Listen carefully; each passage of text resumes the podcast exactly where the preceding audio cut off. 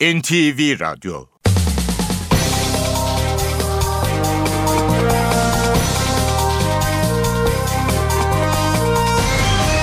İşe Giderken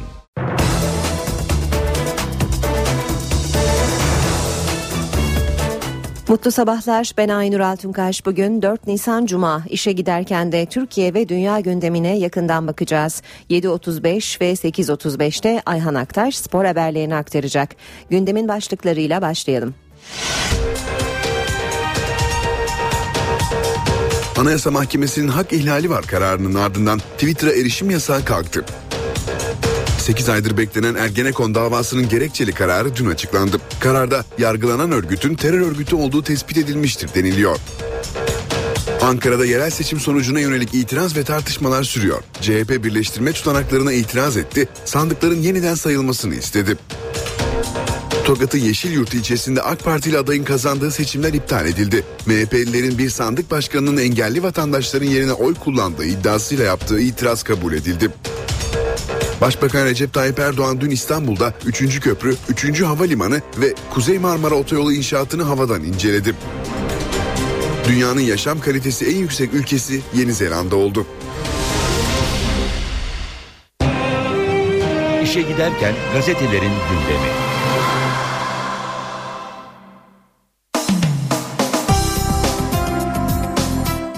Basın özetlerine Hürriyet gazetesiyle başlayalım. 14 günlük esaret bitti. Twitter özgür diyor Hürriyet.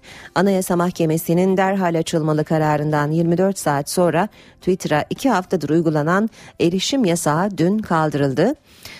Ee, şimdi gözler erişim engelleyen video paylaşım erişime engellenen video paylaşım sitesi YouTube'a çevrildi. Ancak YouTube'u engelleyen tip kararı daha sonrasında mahkeme kararına dönüştürüldüğü için hızlı bir adım beklenmiyor.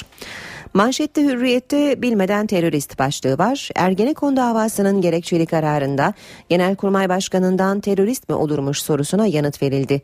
Terör suçunun failleri eylemlerini vatan için faydalı diye düşünür suç olarak kabul etmez. Mahkeme heyeti 16.798 sayfa gerekçeli karar yazdı. Bir mahkeme eğer böyle bir kişinin başbuğu kastediyor. Hiyerarşik olarak altındaki kişilere aynı eylem dolayısıyla ceza verilmişse yasalar önünde herkes eşittir ilkesi gereği bu kişilerin eylemlerinin ortağı olan komutana da ceza verilmesi kaçınılmazdır. Silahlı terör örgütünün bir derin devlet yani Gladio kontrgerilla yapılanmasına karşılık geldiği ve esas olarak Türk Silahlı Kuvvetleri içinde yasa dışı oluşturulup faaliyet gösterdiği mensupları arasında asker sivil toplumun her kesim ve statüsünden insanların bulunduğu olduğu sonucuna varılmıştır. Örgüt Ecevit, Gül ve Erdoğan hükümetlerine hedef aldı. Mensupları ülkede askeri müdahale veya darbe ortamının oluşmasını istemekte, hatta memleketin kurtuluşu için bunun olmazsa olmaz olduğunu düşünmektedirler. Davada müebbet hapis cezası alan İlker Başbuğ gerekçeli karar için ciddiye almıyorum dedi. Bir diğer haber Ankara'daki seçim sonuçları ile ilgili. Ankara'da oyları yeniden sayalım başlığını taşıyor. CHP Büyükşehir Belediye Başkanlığı seçiminde Mansur Yavaş'la Melih Gökçek arasındaki oy farkının 50 bin olduğunu, iptal edilen 124 bin oyun sonucu değiştirebileceğini savunarak itiraz etti. Erdoğan aday olursa halk seçmez. Cumhurbaşkanının siyasi kimliği bir partiye aidiyeti olmaması gerek. Tarafsız ve sivil biri olmalı. Dünya dengelerini iyi okuyan, iyi eğitim almış birisini isteriz. Her yurttaşın kabul edeceği biri olmalı. Erdoğan aday olursa halkın seçeceğini düşünmüyorum. Bu sözler Cumhuriyet Halk Partisi Genel Başkanı Kemal Kılıçdaroğlu'na ait. Milliyetle devam edelim. Kendine has bir karar diyor Milliyet manşette. Ergenekon kararı açıklandığı gün korsanlıkla suçlandı. Mahkeme heyeti 8 ayda tamamladığı gerekçenin ilk 20 sayfasında yargılama ve yazım sürecindeki eleştirilere karşı kendini savundu diyor Milliyet haberinde. Gül'ün yüzünü güldürdü. Cumhurbaşkanı Gül'le kuvvette iki günde 4 saat kadar e, sohbet ettiğini yazıyor Milliyet'ten Mehmet Tezkan. Üzerinde durduğu konulardan biri Anayasa Mahkemesi bu kurumun rolüne büyük önem veriyor. Verdikleri tarihi Twitter kararı Gül'ün yüzünü güldürdü.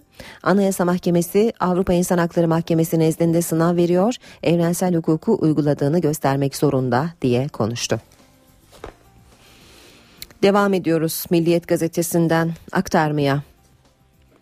İlk iş köprü teftişi. Seçimden sonra dinlenmeye çekilen Başbakan Erdoğan dün ilk kez evinden çıkıp 3. Boğaz Köprüsü'nün inşaatına gitti. Helikopterle havadan ve ayrıca yerden incelemelerde bulunan Erdoğan'a Ulaştırma Bakanı Lütfi Elvan'la İstanbul Belediye Başkanı Topbaş eşlik etti. İnşaat işçileriyle de bir araya gelen Başbakan Erdoğan'ın incelemeleri yaklaşık 1 saat 40 dakika sürdü. Saçlar kupaya veda. Fenerbahçeli futbolcular şampiyonluğu matematiksel olarak garantiledikleri maçın hemen ardından soyunma odasında saçlarını kazatmaya karar verdi. Bu hafta sonu oynanacak derbiden söz ediyor haber. Aralarındaki anlaşmaya göre takım tıraşın ardından sahaya dönüp tribünleri yeni görüntüleriyle selamlayacak. Plan en çok saçlarına büyük özen gösteren Alper Potuk ve Salih Uçan'ı etkileyecek diyor Milliyet gazetesi haberinde. Sabah gazetesiyle devam ediyoruz. Kuş baş, e, bakışı 3. köprü başlığı sabahta da var. Başbakan Erdoğan'ın hem havadan hem de karadan İstanbul'daki incelemelerine yer veriyor Sabah gazetesi. Bir başka haber dört önemli adım başlığını taşıyor. Başbakan Erdoğan demokratikleşmeye ilişkin yeni yol haritasına onay verdi. Bir, seçim sistemi değişecek, dar ya da daraltılmış bölgeden biri tercih edilecek. İki, siyasetin finansmanı şeffaflaşıyor, partilerin harcamaları denetlenecek. Üç, cemevlerine statü verilecek, devletin yardım yapması sağlanacak. Ve dört, Türkiye Avrupa Birliği'nin yönetimler özellik şartına yönelik çekincelerini kaldıracak. Cumhuriyet gazetesiyle devam ediyoruz. Olağanüstü direniş diyor Cumhuriyet manşette. CHP Ankara için son seçenek olarak Erdoğan'a meclis yolunu açan formülü kullanacak diyor Cumhuriyet. CHP Ankara'da seçim kurullarına yaptığı başvurulardan sonuç alamazsa son olarak olağanüstü itirazda bulunacak. CHP'li Günaydın seçime müdahale edildiği ve görevlilere hükümet tarafından baskı uygulandığı yönünde önemli bilgiler olduğunu söyledi. Seçim sonucunu etkileyen olaylar nedeniyle yapılan itiraz yönetimi 2002'de Erdoğan'ı meclise taşımıştı e, itiraz yöntemi 2002'de Erdoğan'ı meclise taşımıştı diyor Cumhuriyet haberinde. 17 bin sayfalık enkaz demiş Cumhuriyet Gazetesi e, Ergenekon davasının gerekçeli kararına ilişkin haberin başlığı bu yönde. Enflasyon ateşi halkı yakacak. Yolsuzlukların ve seçim sürecindeki gerginliğin faturası hissedilmeye başladı. Enflasyon Mart'ta bir önceki yılın aynı ayına göre %8,39 artarken üretici fiyatları %12,31'e yükseldi. Çekirdek enflasyon 2007'den bu yana en yüksek düzeye çıktı. Ekonomistler seçimlerin etkisiyle Haziran'dan sonra enflasyon ateşinin daha da artacağını öngörüyor. Radikal gazetesine bakalım. Darısı YouTube'a diyor. Radikal manşette Türkiye Twitter yasağı ayıbından kurtuldu. Twitter 14 günlük yasaktan sonra nihayet özgür. Anayasa Mahkemesi'nin önceki günkü erişimin engellenmesi ifade özgürlüğünün ihlali kararı üzerine yasak dün akşam kalktı. Artık DNS ayarıyla oynamak gerekmiyor. YouTube yasağı ise sürüyor. Haber Türkiye bakalım. Ergenekon Türk Gladyosu diyor Habertürk manşette. 8 ayda yazılan 40 yıllık gerekçe diyor Habertürk ve savunmanın sözü tarihi kumpas. İlker Başbuğ'un ciddiye almıyorum sözü başlıkta. Devam edelim. Habertürk'ten aktarmaya. Twitter açıldı kuşlar özgür demiş e, Twitter engelinin kalkması ile ilgili haberinin başlığında. Habertürk Twitter'a erişim engeli kaldırıldı ancak YouTube yasağı sürüyor. AK Parti Anayasa Mahkemesi kararı çelişkili gayrimilli dedi. Yeni Şafak gazetesinde manşet cemaat sancısı seçimlere cemaatle giren Kılıçdaroğlu CHP'yi böldü, işbirliği hezimete neden oldu diyen ulusalcılar lider arayışına başladı. Teşkilatlardan da genel merkeze tepki büyük, paralel yapıysa Sarıgül'ü Ankara'ya göndermek için devrede diyor Yeni Şafak haberinde. Star gazetesine bakalım. Ergenekon 3 başbakana darbe planladı demiş Star. Manşette İstanbul 13. Ağır Ceza Mahkemesi 275 sanıklı Ergenekon davasının 16.798 sayfalık gerekçeli kararını 8 ay sonra açıkladı. Dev, e, derin devletin ilk kez yargı önüne çıktığı davada Ecevit, Gül ve Erdoğan hükümetlerine darbe girişimi delilleriyle ortaya kondu diyor Star gazetesi haberinde. Ve zamana bakalım. Gül'den 4 mesaj diyor zaman manşette. Yolsuzluk iddialarının vicdanlarda hiçbir şüphe kalmayacak şekilde aydınlatılması gerekiyor. Hukukun üstünlüğü hayati önemde. Kendi gündemimize dönüp güçlü reform sürecini başlatmamız gerek. Hedefimiz Avrupa Birliği standartlarında demokrasi olmalı. Özellik taleplerinin aşırı ve yanlış olduğunu düşünüyorum. Türkiye gerçekleriyle bağdaşmıyor, şartlanmak doğru değil. Seçilmiş Cumhurbaşkanıyla Başbakan arasında kriz olabilir önleyici tedbirler alınmalı, parlamenter sistem Türkiye'ye daha uygun. Saat 7.15 NTV Radyo'da işe giderken gündemin ayrıntılarıyla sürüyor. Twitter açıldı. Anayasa Mahkemesi'nin hak ihlali var kararının ardından 20 Mart'ta başlayan Twitter'a erişim engeli dün akşam kaldırıldı. Twitter'a erişim engeli iki hafta sonra kaldırıldı. Bilgi Teknolojileri ve İletişim Kurumu, sosyal paylaşım sitesi Twitter'a 20 Mart'ta koyduğu erişim yasağını Anayasa Mahkemesi kararı doğrultusunda kaldırdı. Erişim yasağının kaldırılması için yapılan bireysel başvuruları karara bağlayan Anayasa Mahkemesi, yasağın ifade özgürlüğünün ağır bir ihlali olduğunu hükmetmişti. O karar resmi gazetede yayınlandı. Ardından gözler Telekomünikasyon İletişim Başkanlığı ve Bilgi Teknolojileri ve İletişim Kurumu'na çevrildi. Yasağın hemen kaldırılması bekleniyordu. Ancak her iki kurum Anayasa Mahkemesi'nden gerekçeli kararın resmi yollardan kendilerine ulaşmasını bekledi. Erişim engelinin kaldırılması gecikince muhalefet harekete geçti. CHP Genel Başkan Yardımcısı Sezgin Tanrıkulu hem BTK'ya hem de TİB'e gitti. Ağır insan hakları ilanı Anayasa Mahkemesi karar vermiştir. Bu nedenle bu ihlale derhal şu anda son verilmesi gerekmektedir. Hükümet temsilcileri de yargı kararları uygulanır mesajı verdi. Biz doğrusu yargı kararlarını pek tartışmayız. Ee, yani bir yargı kararı çıktıysa e, onların tabii e, uygulanması gerekir. Beklenen haber akşam saatlerinde geldi. Önce TİB'in resmi internet sayfasından erişim yasağının dayanak gösterildiği mahkeme kararı kaldırıldı. Kısa süre sonra Ulaştırma, Denizcilik ve Haberleşme Bakanlığı Twitter erişim engelinin kaldırıldığını resmen duyurdu. Bilgi Teknolojileri Kurumu kararı servis sağlayıcılara gönderdi. Bakanlığın ardından Bilgi Teknolojileri ve İletişim Kurumu da bir açıklama yaparak erişim engelinin kalktığını duyurdu.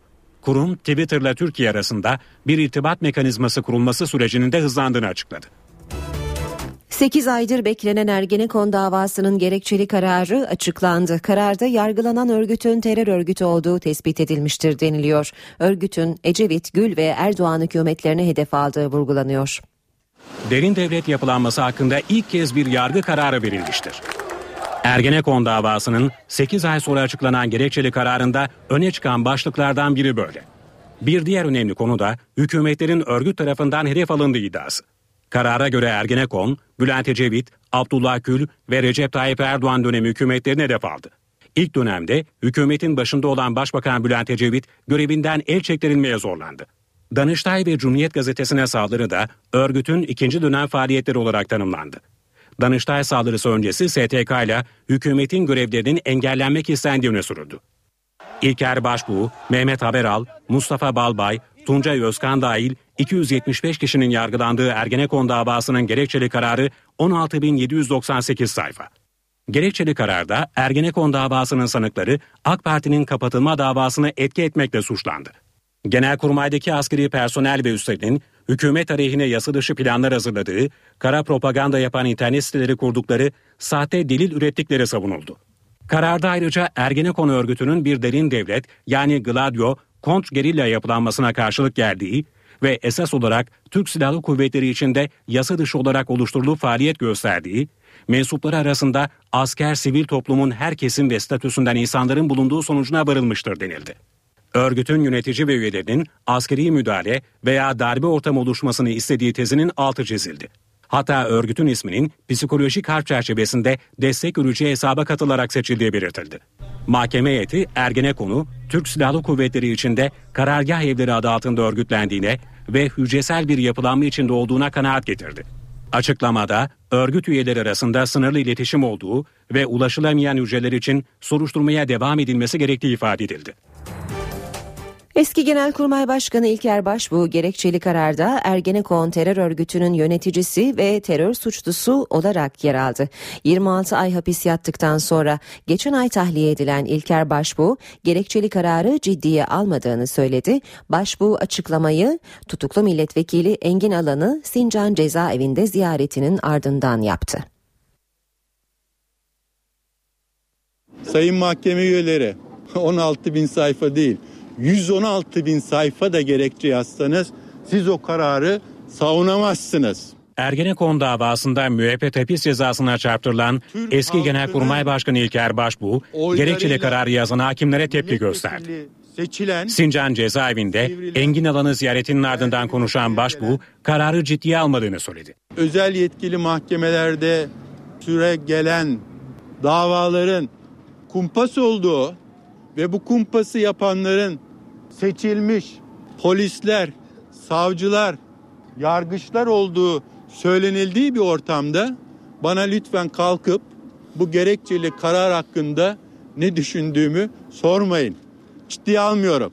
26 ay hapis yattıktan sonra geçen ay tahliye edilen İlker Başbuğ, gerekçeli kararda Ergenekon terör örgütünün yöneticisi ve terör suçlusu ifadesiyle yer aldı. Terör suçlusu ifadesinin hukuki terim olduğunun altını çizdi. Mahkeme heyeti İlker Başbuğ'un görevinin terör suçlusu olmasına engel olmadığını savundu. Bu suçların hemen hemen tüm sanıklarının sahibi olduğu ortak düşünce, işledikleri eylemlerin insanlık, vatan ve memleket için faydalı olduğu yönündedir ifadeleri kullanıldı. Cezaevine girdikten sonra da Kararda İlker Başbuğ'un Dolayısıyla- irticali mücadele eylem planı ile ilgili olarak kara propaganda oluşturmak için internet sitelerini organize ettiği savunuldu. Bazı internet sitelerinin Başbuğ'dan onay alarak yayın yaptıkları öne sürüldü. Danıştay saldırısı azmettiricisi olduğu iddia edilen Muzaffer Tekin'in telefon rehberinde İlker Başbuğ'un telefon numarasının bulunması da sanıkların birbirleriyle olan ilişkisini açıklamak için dayanak gösterildi. Gerekçeli karar siyasilerin de gündemindeydi. Ortak görüş kararın geç yazıldığı ve bu durumun hak ihlaline yol açtığı yönünde. İktidar da muhalefette aynı görüşte. Ortak kanı Ergenekon davasında 8 ay sonra çıkan gerekçeli kararın geç kaldı. Gümrük ve Ticaret Bakanı Hayati Yazıcı, gerekçeli kararda eski Genelkurmay Başkanı İlker Başbuğ için yer alan terörist değil, terör suçu işlediği ifadesini değerlendirdi. Genelkurmay Başkanı'na işte e, nasıl terör suçlusudur? E, yani kanun öyle tanımlamışsa, onun içerisinde ise değerlendirmeye göre e, yani savcının, hakimin onun dışında bir sözcük kullanması için yok. Muhalefete göre ise Ergenekon davası yeniden görülmeli. Bir mahkeme kararının meşruluğu kamu vicdanında bulduğu karşılıkla doğru, doğru orantılıdır. Asıl olan e, özel yetkili mahkemeleri biliyorsunuz kaldırdık. Nihayet tümüyle de kaldırdık. Ama yeniden yargılama yolu açılmadıkça karar doğru da olsa yanlış da olsa her ne olursa olsun e, bu e, kamu vicdanını kanatmaya devam edecek. hala şüpheyi e, çeken e, birçok e, iddia e, içerisinde yer alan şeyler var, konular var. Artık özel yetkili mahkemeler yok.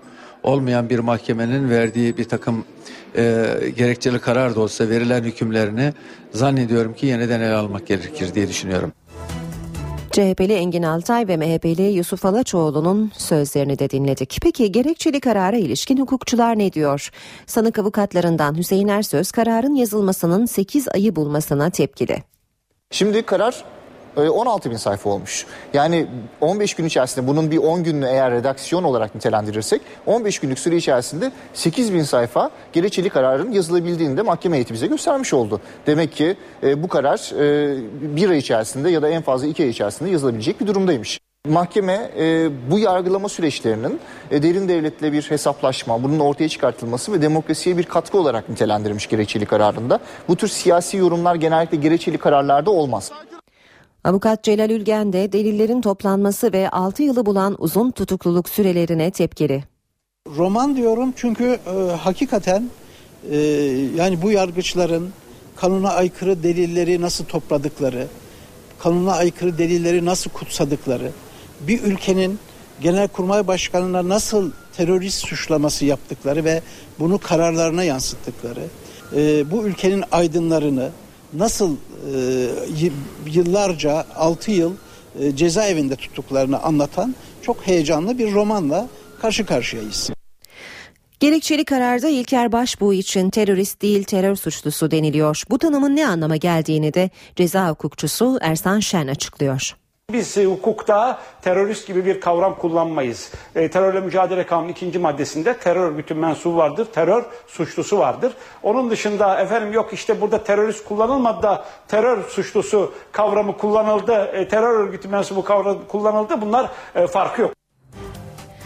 Yerel seçimlerin ardından şimdi gözler Ağustos ayında yapılacak Cumhurbaşkanlığı seçimlerinde.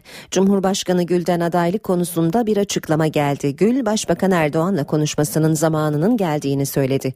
Gül'ün bu sözlerine benzer bir açıklama Başbakan Yardımcısı Beşir Atalay'dan geldi. Muhalefet sözcüleri CHP'li Engin Altay ve MHP'li Yusuf Alaçoğlu ise tepki gösterdi.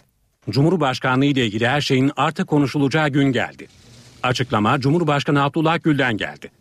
Abdullah Gül, Mayıs ayı içinde Cumhurbaşkanlığı adaylığı konusunun netleşeceğini söyledi. Nasıl olur, ne olur bunları Cumhurbaşkanlığı seçiminden önce oturur konuşuruz, Başbakanla da diğer arkadaşlarımla da ona göre karar veririz dedi. Bu konuda Başbakan bana haber vermeden sürpriz yapmaz. Açıkçası ben Başbakan'a yapmam, o da bana yapmaz. Bu tip meselelerde oturup konuşuruz. Manşetlerden öğrenmem. Gül'ün bu sözlerine benzer bir açıklama Başbakan Yardımcısı Beşir Atalay'dan geldi. Muhalefet ise tepki gösterdi. Kendi aralarımızda aile bağları, dostluklar, kardeşlik, dava ahlakı esastır ve bunları görüşerek hepsini en iyi şekilde çözeriz. Tabii ki en başta Cumhurbaşkanımız, Başbakanımız görüşürler. Sayın Cumhurbaşkanı'nın Sayın Başbakan'la medya üzerinden bir e, müzakere başlatmasını garipsedim. Böyle bir pozisyonda başbakanla görüşüp Cumhurbaşkanlığı konusunda karar vereceğini belirtiyor olması zaten tarafsızlığını yitirmesine sebep olur. Peki Cumhurbaşkanlığı adaylığı konusunda muhalefet ittifak arayışına girecek mi? MHP'den Meral Akşener, CHP eski Genel Başkanı Deniz Baykal'la Genelkurmay eski Başkanı İlker Başbuğ adı geçen isimler. Elbette burada işbirliğine ve güç birliğine de hiç şüphesiz, hiç tartışmasız ihtiyaç var. Toplumun tüm kesimlerinin kesimlerinde kabul görmeli. Bir takım girişimlerde de bulunabilir. Yani bizim partiye de gelip bu konuda görüşmeler yapabilirler. Ama dediğim gibi yine e, böyle konular tabii ulu orta e, belirlenecek, e, cevaplanabilecek bir husus değil. CHP Genel Başkanı Kemal Kılıçdaroğlu Cumhurbaşkanlığına aday olursa halkın Başbakan Erdoğan'ı seçmeyeceğini söyledi. Hürriyet gazetesine konuşan Kılıçdaroğlu, Başbakan aday olursa halkın kendisini seçeceğini düşünmüyorum. Bunca şaibeye bulaşmış biri o makama çıkamaz. Halk da bunu söyleyecektir dedi. Cumhurbaşkanı adayı ile ilgili diğer partilerle görüşmeye hazır olduğunu da belirten Kılıçdaroğlu, adı ittifak veya başka bir şey olabilir. Karşıtlığım yok şeklinde konuştu. CHP Genel Başkanı adayın parti aidiyetinin olmamasını söyledim. Bense bir partinin genel başkanıyım. Bu nedenle aday olmam. Hem bu tanımı yapıp hem de aday ol olmaz. İktidarın dillendirdiği partili cumhurbaşkanı da anayasaya aykırı dedi. Ankara'da yerel seçim sonucuna yönelik itiraz ve tartışmalar sürüyor. Melih Gökçek açık ara farkla seçimi kazandığını söyledi. CHP ise aynı görüşte değil. Ana muhalefet birleştirme tutanaklarına itiraz etti. Ankara'da sandıkların yeniden sayılmasını istedi. Başkentte seçim tartışması sürüyor. Ankara Büyükşehir Belediye Başkanı Melih Gökçek kameraların karşısına geçti. Seçimin galibi olduğunu bir kez daha söyledi. Melik Gökçek tabii Ankara Büyükşehir Belediye adayı olarak 1 milyon 416 bin 770 oy aldığı kesinleşti. Ee, Cumhuriyet Halk Partisi'nin de 1 milyon 385 bin 038 oy aldığı gerçekleşti.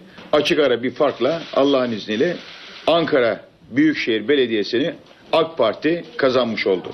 CHP'nin Ankara'daki itirazları ile ilgili bilgiyi ise Genel Başkan Yardımcısı Bülent Tezcan verdi. Tezcan, itirazlar sonucu kaç oyun CHP'ye geçtiğinin henüz belli olmadığını söyledi. İl Başkanımız Ankara İl Seçim Kurulu'na giderek bu itirazları verecek. Birleştirme tutanaklarıyla ilgili de iki husus söz konusu. Bir birleştirme tutanaklarındaki toplam, ikincisi sandık sonuç tutanaklarının birleştirme tutanaklarına doğru aktarılmaması. 25 ilçedeki e, oyların sayılmasını talep ediyoruz. CHP, hukuk yolları tükendikten sonra süreci seçimin iptali başvurusuna götürmeye de hazırlanıyor. AK Parti Genel Başkan Yardımcısı Salih Kapusus ise ana muhalefetin bu başvurusuna NTV yayınında tepki gösterdi. Ankara'da ve Türkiye'de seçimlerin iptalini gerektirecek hiçbir olay söz konusu değildir. Yasal olarak da siyasi olarak da, hukuki olarak da, fiili olarak da böyle bir şey mevcut değildir. Sadece kafaları karıştırmak, sokağı hareketlendirmek istedikleri için bahaneler üretmeye çalışıyorlar. Gelecek karar için gözlerin çevrildiği Yüksek Seçim Kurulu'nun önü ise yine hareketliydi. Yüksek Seçim Kurulu Başkanı Sadi Güven'e MHP ve CHP'liler çelenkli mesaj verdi. Protestolar sebebiyle Yüksek Seçim Kurulu'na çıkan tüm ara sokaklar yaya ve araç trafiğine kapatıldı. Evlerine ve iş yerlerine gidemeyen Ankaralılar duruma tepkiliydi. Diğer illerdeki duruma da bakalım. Antalya'da CHP İl Seçim Kurulu'nun kararını bekliyor. Adana'da ise bazı sandıklar yeniden sayıldı. Sonucu etkileyecek bir değişiklik yok. İstanbul Kağıthane'deki sonuçlara da CHP'den itiraz var. Antalya'da ilçe seçim kuruluna yaptığı itiraz reddedilen CHP, il seçim kurulunun kararını bekliyor. Seçimin çekişmeli geçtiği kentte resmi olmayan sonuçlara göre AK Parti adayı Menderes Sürel yeni belediye başkanı. Bazı sandıklarda oy kaydırmaları olduğunu iddia eden CHP oyların yeniden sayılmasını istiyor. İl Seçim Kurulu 24 saat içinde kararını açıklayacak.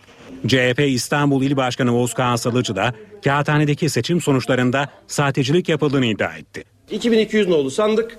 Ben almışım 135 oy. Cumhuriyet Halk Partisi olmuş almış 135 oy. Adalet ve Kalkınma Partisi almış 188 oy. Onun oyu olmuş 188. Benim oyum kalmış 135'te. Toplam kullanılan oy sayısı 254 olmuş 354. Seçimin iptal edilmesi gerektiğini savunan CHP, Kağıthane İlçe Seçim Kurulu'nun aldığı kararı yargıya taşıyacak. Seçim sonuçlarına itiraz edilen bir başka kent Adana. Sandıktan MHP adayı Hüseyin Sözlü önde çıktı, AK Parti sonuçlara itiraz etti. Seyhan 3. bölgede 114 sandıkta yeniden sayım yapıldı. Daha önce geçersiz sayılan 64 oy AK Parti'ye, 60 oyda MHP'ye yazıldı. AK Parti, ilçe seçim kurulunun yeniden sayım yapılmasını reddettiği sandıklar için bu kez il seçim kuruluna itiraz başvurusu yaptı. Tokat'ın Yeşilyurt ilçesinde seçimler iptal edildi. AK Partili Kazım Misafir'in az farkla kazandığı seçimlerin ardından MHP'liler bir sandık başkanının engelli vatandaşların yerine oy kullandığı iddiasıyla İl Seçim Kurulu'na itiraz dilekçesi verdi. Kurul seçimlerin iptaline ve 1 Haziran'da tekrarlanmasına karar verdi.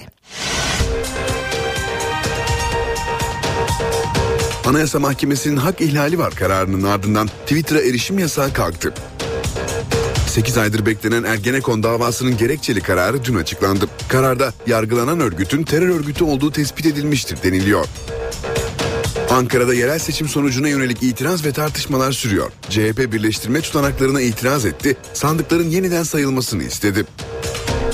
Tokat'ın Yeşilyurt ilçesinde AK Partili adayın kazandığı seçimler iptal edildi. MHP'lilerin bir sandık başkanının engelli vatandaşların yerine oy kullandığı iddiasıyla yaptığı itiraz kabul edildi. Başbakan Recep Tayyip Erdoğan dün İstanbul'da 3. köprü, 3. havalimanı ve Kuzey Marmara Otoyolu inşaatını havadan inceledi. Dünyanın yaşam kalitesi en yüksek ülkesi Yeni Zelanda oldu.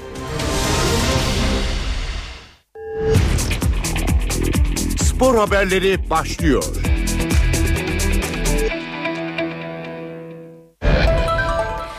Spor haberleriyle devam ediyoruz. Yanımızda Ayhan Aktaş var. Ayhan e, derbiye yaklaştık artık. E, Evet. Hem derbi haberleri hem de diğer spor haberleri için sözü sana bırakalım. Teşekkür ediyorum.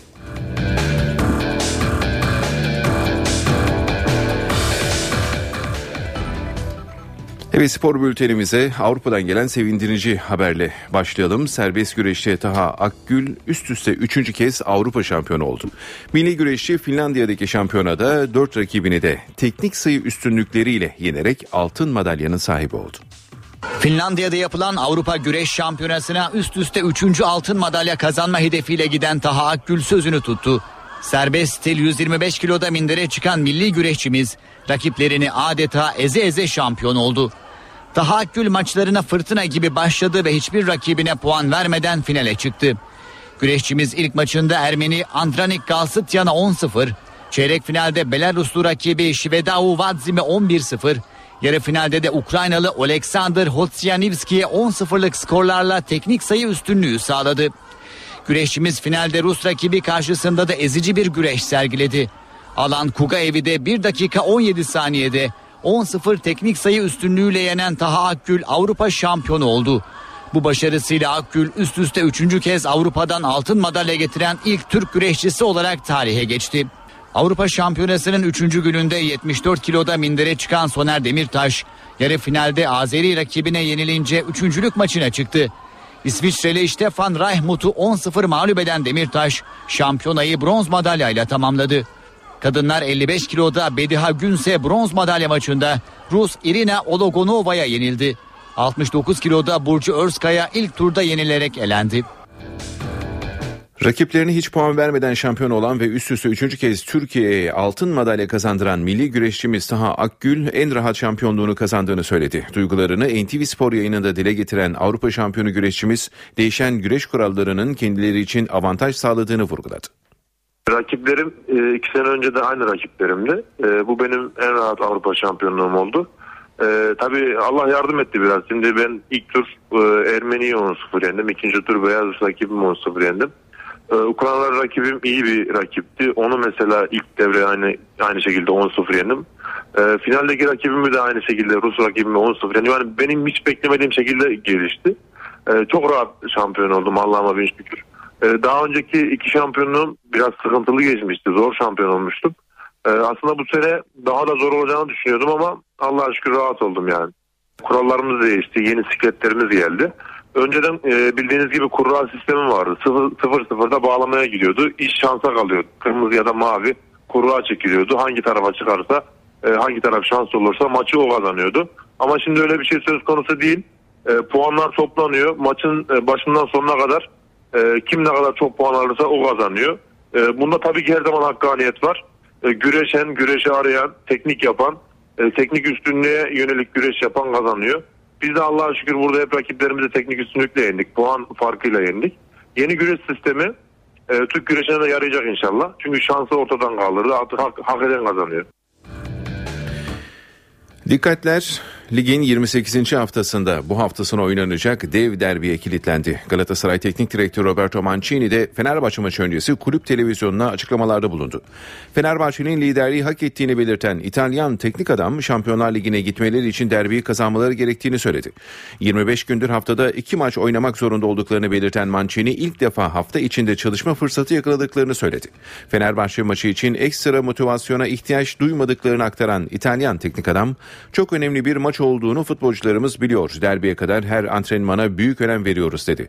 Fenerbahçe derbisini Şampiyonlar Ligi'ne direkt katılmak için kazanmaları gerektiğini ifade etti. Fenerbahçe'nin liderliği hak ettiğini belirten tecrübeli teknik adam derbiyi kazanma adına sahada gerekeni yapacaklarını ifade etti. Galatasaray Başkanı Ünal Aysal Sarı Kırmızılı camianın Fenerbahçe derbisi öncesi kenetlendiğini söyledi. Aysal pazar günkü maçtan iyi bir sonuç beklediğini dile getirdi. Galatasaray Başkanı Ünal Aysal pazar günü Türk Telekom Arena'da Fenerbahçe ile oynanacak derbi öncesinde Galatasaray TV'ye açıklamalarda bulundu. Derbi ile ilgili görüşlerini belirten Galatasaray Başkanı, her zaman olduğu gibi heyecanlı, büyük enerji dolu bir derbi yaşayacağız. Galatasaray'da tüm camia kenetlenmiş durumda. Oyuncularımızın morali iyi. Pazar günü çok iyi bir neticeyle sahadan ayrılacağımıza inanıyorum diye konuştu. Florya Metin Oktay tesislerinde barbekü organizasyonu yapacaklarını belirten Aysal, Oyuncularımız, teknik heyetimiz, bazı yöneticilerimiz bu barbeküye katılacaklar. Böyle bir maçtan önce böyle bir organizasyon çok iyi bir düşünce oldu. İnşallah anılarımıza bir anı daha eklenir dedi. Galatasaray Yönetim Kurulu teknik heyet ve futbolcularla moral yemeğinde bir araya gelecek. Yemeğin ardından yönetim kurulu Florya'daki antrenmanı izleyecek. Galatasaray'da Fenerbahçe ile oynanacak maçın hazırlıkları da sürüyor. Sarı Kırmızılarda derbi öncesi Drogba'nın durumu belirsiz. Galatasaray'ın yıldızı Didier Drogba'nın Fenerbahçe maçına yetişme ihtimali azalıyor. En son 18 Mart'ta Chelsea ile oynanan Şampiyonlar Ligi maçında forma giyen Drogba bu tarihten sonra sakatlığı nedeniyle kadroya giremedi. Tecrübeli oyuncu çalışmalarını takımdan ayrı sürdürüyor. Teknik direktör Mancini ile görüşen ve derbide forma giymek istediğini ileten Drogba için sağlık kurulu da yoğun mesai harcıyor. İtalyan teknik adam derbi gününe kadar fil dişili Yıldız'ın fiziki durumuyla yakından ilgileniyor. Mancini Drogba'nın sakatlığı ile ilgili sağlık kurulundan gelecek son rapora göre Yıldız oyuncu ile ilgili son kararını verecek. Sarı Kırmızılılarda İzzet Ayrovic'in tedavisine devam edilirken Emre Çolak son antrenmanda kondisyona dayalı özel bir çalışma yaptı. Ve derbinin diğer tarafına geçiyoruz. Fenerbahçe'de de derbi hazırlıkları sürüyor. Sarı lacivertlerde sakatlığı bulunan Alper Potuk dışında tüm oyuncular antrenmanda yer aldı. Fenerbahçe'de derbi mesaisi sürüyor. Sakatlığı bulunan Alper Potuk'un katılmadığı antrenmanda sakatlıkları geçen Emre Belözoğlu, Christian Baroni ve Egemen Korkmaz takımla birlikte çalıştı. Sarı lacivertlilerde Galatasaray maçı öncesi Salih Uçan'ın performansı teknik direktör Ersun Yanal'ın yüzünü güldürüyor. Bursa Spor karşısında bu sezon ilk kez 11'de sahaya çıkan ve başarılı oyunuyla teknik heyetin beğenisini kazanan genç futbolcu antrenmanlarda da hırsıyla göz dolduruyor. Paslarının dışında gol vuruşlarıyla da dikkat çeken Salih derbi öncesi Ersun Yanal'a hazır olduğu mesajını iletti. Yanal Salih'in yükselen performansına karşın Galatasaray mücadelesinde tecrübeli oyuncu Emre Belezoğlu'nu ilk 11'de oynatmayı planlıyor. Fenerbahçe'de 3 sezon kaptanlık e, yapan o gün Temizkanoğlu hafta sonu oynanacak Galatasaray Fenerbahçe derbisini NTV Spor'a yorumladı. Fenerbahçe'yi favori olarak gördüğünü ifade eden Temizkanoğlu sarı lacivertlerin forvet oyuncularına dikkat çekti. Özellikle Fenerbahçe Galatasaray maçı olduğu zaman hani derbinin ayrı bir özelliği var. Her iki takım futbolcular için çok önemli. Çok çok önemli bir derbi olacak. Ama ben e, mutlak favorinin Fenerbahçe olduğunu düşünüyorum. Özellikle son alınan son haftalarda alınan e, Fenerbahçe tarafından galibiyetler e, diğer taraftan Galatasaray'ın beraberlikle bittiği maçta da artı Galatasaray'ın iyi oynamaması e, Fenerbahçe'nin daha ağır bastığını düşünüyorum bu konuda. Hani her iki takımı karşılaştırdığım zaman Fenerbahçe'nin forvet hattını hani Galatasaray defansı nasıl durduracak çok merak ediyorum açıkçası. Eğer performansları düşmezse. Fenerbahçe Yönetim Kurulu üyesi Yalçın Haker, Galatasaray derbisinde sarı lacivertli futbolcuların provokatif eylemler içinde bulunmayacağını söyledi. Haker, takımın sadece futbolu düşündüğünü dile getirdi. Fenerbahçeli futbolcuların Galatasaray'ı yenmeleri halinde saha içinde saçlarını keseceği tartışmalarına Sarı Lacivertli kulübün yöneticisi Yalçın Haker nokta koydu. Derbi için yapılan İl Güvenlik Kurulu toplantısından sonra açıklamalar yapan Haker, olaysız ve gerilimsiz bir maç dileğinde bulundu ve söylentilere açıklık getirdi. Onlar sosyal medyada konuşulan şeyler. Öyle bir herhangi bir provokatif eylemler olacağını zannetmiyorum hiçbir futbolcumuzdan. E, gayet güzel maçlarımız. Bizim işimiz e, şampiyonluğa odaklandık. İnşallah bu maçı da en iyi şekilde geçip e, mutlu sona bir adım daha yaklaşacağız. Fenerbahçe Yönetim Kurulu üyesi Yalçın Haker, Başkan Aziz Yıldırım'ın cezası nedeniyle derbiye gitmeyeceğini söylerken kutlama yapılıp yapılmayacağı sorusuna da yanıt verdi. Ya da şampiyonluğa matematiksel olarak var. O yüzden herhangi bir kutlama olacağını zannetmiyorum. Ya normal bir maç oynayacağız yani bir derbi maçı. Tabii e, derbi maçının atmosferi farklı oluyor ama onun dışında herhangi bir şey olacağını zannetmiyorum. Ve basketbol Turkish Airlines Euroleague'de Anadolu Efes ve Olympiakos bugün Abdi İpekçi Spor Salonu'nda karşı karşıya gelecek. Lacivert Beyazlılar için prestij niteliğindeki mücadele 21'de başlayacak ve NTV Spor'dan canlı yayınlanacak. Anadolu Efes Turkish Airlines Euroleague Top 16 turu E grubu 13. hafta maçında Olympiakos'la Abdi İpekçi Spor Salonu'nda karşı karşıya gelecek. İki galibiyet ve 10 mağlubiyetle grubunun son sırasında bulunan ve çeyrek final umutlarını geçtiğimiz haftalarda yitiren Anadolu Efes, Yunan rakibi karşısında prestij mücadelesi verecek. Son 7 maçından mağlubiyetle ayrılan Anadolu Efes'te kadro dışı bırakıldığı açıklanan Semih Erden forma giyemeyecek. Son iki maçını kazanan Olympiakos ise 6 galibiyet ve 6 mağlubiyetle 3. sırada bulunuyor. Gruptan çıkmayı garantileyen Barcelona ve Emporio Armani'nin ardında yer alan Yunan temsilcisi 9. kez üst üste playoff'a kalma hesapları yapıyor. Olympiakos'a ise sahadan galibiyetle ayrıldığı takdirde adını çeyrek finale yazdırması için Laboral Kutska ya da Panathinaikos'tan birinin kazanması yetecek. Eğer Olympiakos bu maçı kaybederse playoff vizesi için hem Laboral Kutska'nın hem de Panathinaikos'un kazanmasını bekleyecek. Anadolu Efes ile Olympiakos arasında bugüne kadar oynanan 26 karşılaşmada lacivert beyazlılar 12 galibiyet elde etti. İki ekip arasında Atina'da oynanan ilk karşılaşmayı Anadolu Efes 78-60 kaybetmişti. Bu haberimizle spor bültenimizi tamamlıyoruz. İyi günler diliyoruz. NTV Radyo Günaydın herkese yeniden işe giderken de yeni saate başlıyoruz. Ee, gündemdeki başlıkları hatırlayalım ardından Gökhan Abura son hava tahminlerini soracağız. Anayasa Mahkemesi'nin hak ihlali var kararının ardından Twitter'a erişim yasağı kalktı. 8 aydır beklenen Ergenekon davasının gerekçeli kararı dün açıklandı. Kararda yargılanan örgütün terör örgütü olduğu tespit edilmiştir deniliyor. Ankara'da yerel seçim sonucuna yönelik itiraz ve tartışmalar sürüyor. CHP birleştirme tutanaklarına itiraz etti, sandıkların yeniden sayılmasını istedi. Tokat'ın Yeşilyurt ilçesinde AK Partili adayın kazandığı seçimler iptal edildi. MHP'lilerin bir sandık başkanının engelli vatandaşların yerine oy kullandığı iddiasıyla yaptığı itiraz kabul edildi. Başbakan Recep Tayyip Erdoğan dün İstanbul'da 3. köprü, 3. havalimanı ve Kuzey Marmara Otoyolu inşaatını havadan inceledi. Dünyanın yaşam kalitesi en yüksek ülkesi Yeni Zelanda oldu. Gökhan Abur yanımızda. Merhaba Sayın Abur. Merhaba günaydın. Ee, Cuma hafta sonu geldi. Yurdumuzu bu hafta sonu nasıl bir hava bekliyor? Ee, biraz daha ılık diyebileceğim çünkü geçen hafta biliyorsunuz oldukça soğuktu. Özellikle doğu ve iç kesimlerdeki soğuk hava yer yer kar yağışlarına sebep olmuştu. Seçimler sırasında bile bazı köylere ulaşılamadı ve maalesef bu aşırı hızlı soğuma Doğu Karadeniz bölgemize ve doğuda e, yer yer kayısıları fındık üretimine e, etkiledi. Dolayısıyla üretimde hatta zeytin üretiminde de düşüşler var. Bugün biraz bu hafta biraz daha ılık gibi gözüküyor şu an itibariyle. Dünden itibaren sıcaklıklar batıda yükselmeye başlamıştı. Bugün biraz daha yükselecek. Yarın da sıcaklıkların yine Lodos'la Marmara'da, Ege'de, Akdeniz'de ve iç kesimlerde gündüz sıcaklıklarının yükselmesini bekliyoruz. Fakat pazar günü Poyraz var. Pazar günü Poyraz'la birlikte Batı Karadeniz, Marmara ve Kuzey Ege'den başlayarak sıcaklıklar yeniden azalacak. Ve bu azalış pazartesi ve salı gününe kendisini hissedecek. Salı akşam saatlerinde rüzgarın Lodos'a dönmesiyle birlikte sıcaklıklar yeniden Marmara'dan başlayarak yükselecek. Bugün için önemli bir yağış ülke genelinde beklemiyoruz. İlerleyen saatlerde artacak bulutlanmaya bağlı olarak Banakkar arasında hafif yağış geçişleri görülebilir. Ama yarın bulutlanma Trakya'dan başlayarak artıyor. Yarın Doğu Karadeniz bölgesinde yağışlar tekrar hafif olarak başlarken bu kez öğle saatlerinden itibaren Trakya'da artacak bulutlanma hafif de olsa yağış bırakacak. Bu yağışlar kısa süreli yağışlar şeklinde ee, İstanbul'da yarın gece saatlerinde İstanbul'un kuzey ve batı kesimlerinde hafif yağış geçişi görülebilir. Ee, pazar sabah erken saatlerde de yağış var. Pazar günü hava genellikle parçalı zaman zaman İstanbul'da çok bulutlu olacak gibi şu andaki bulgular böyle. Ama sıcaklıklar pazar günü Poyraz'la birlikte azalıyor. Hem termometre sıcaklıkları hem hissedilen sıcaklıklar 4-5 derece azalacak pazar, pazartesi ve salı günleri için.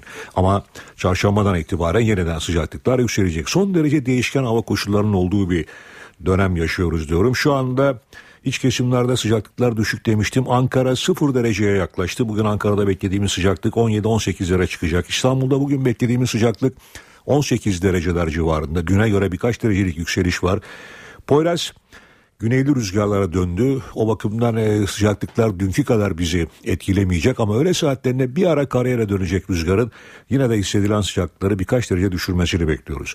Ankara'da da sıcaklıklar e, eksi değerlerdeydi sabah erken saatlerde. Şu anda 0 16-17'lerin üstüne çıkacak.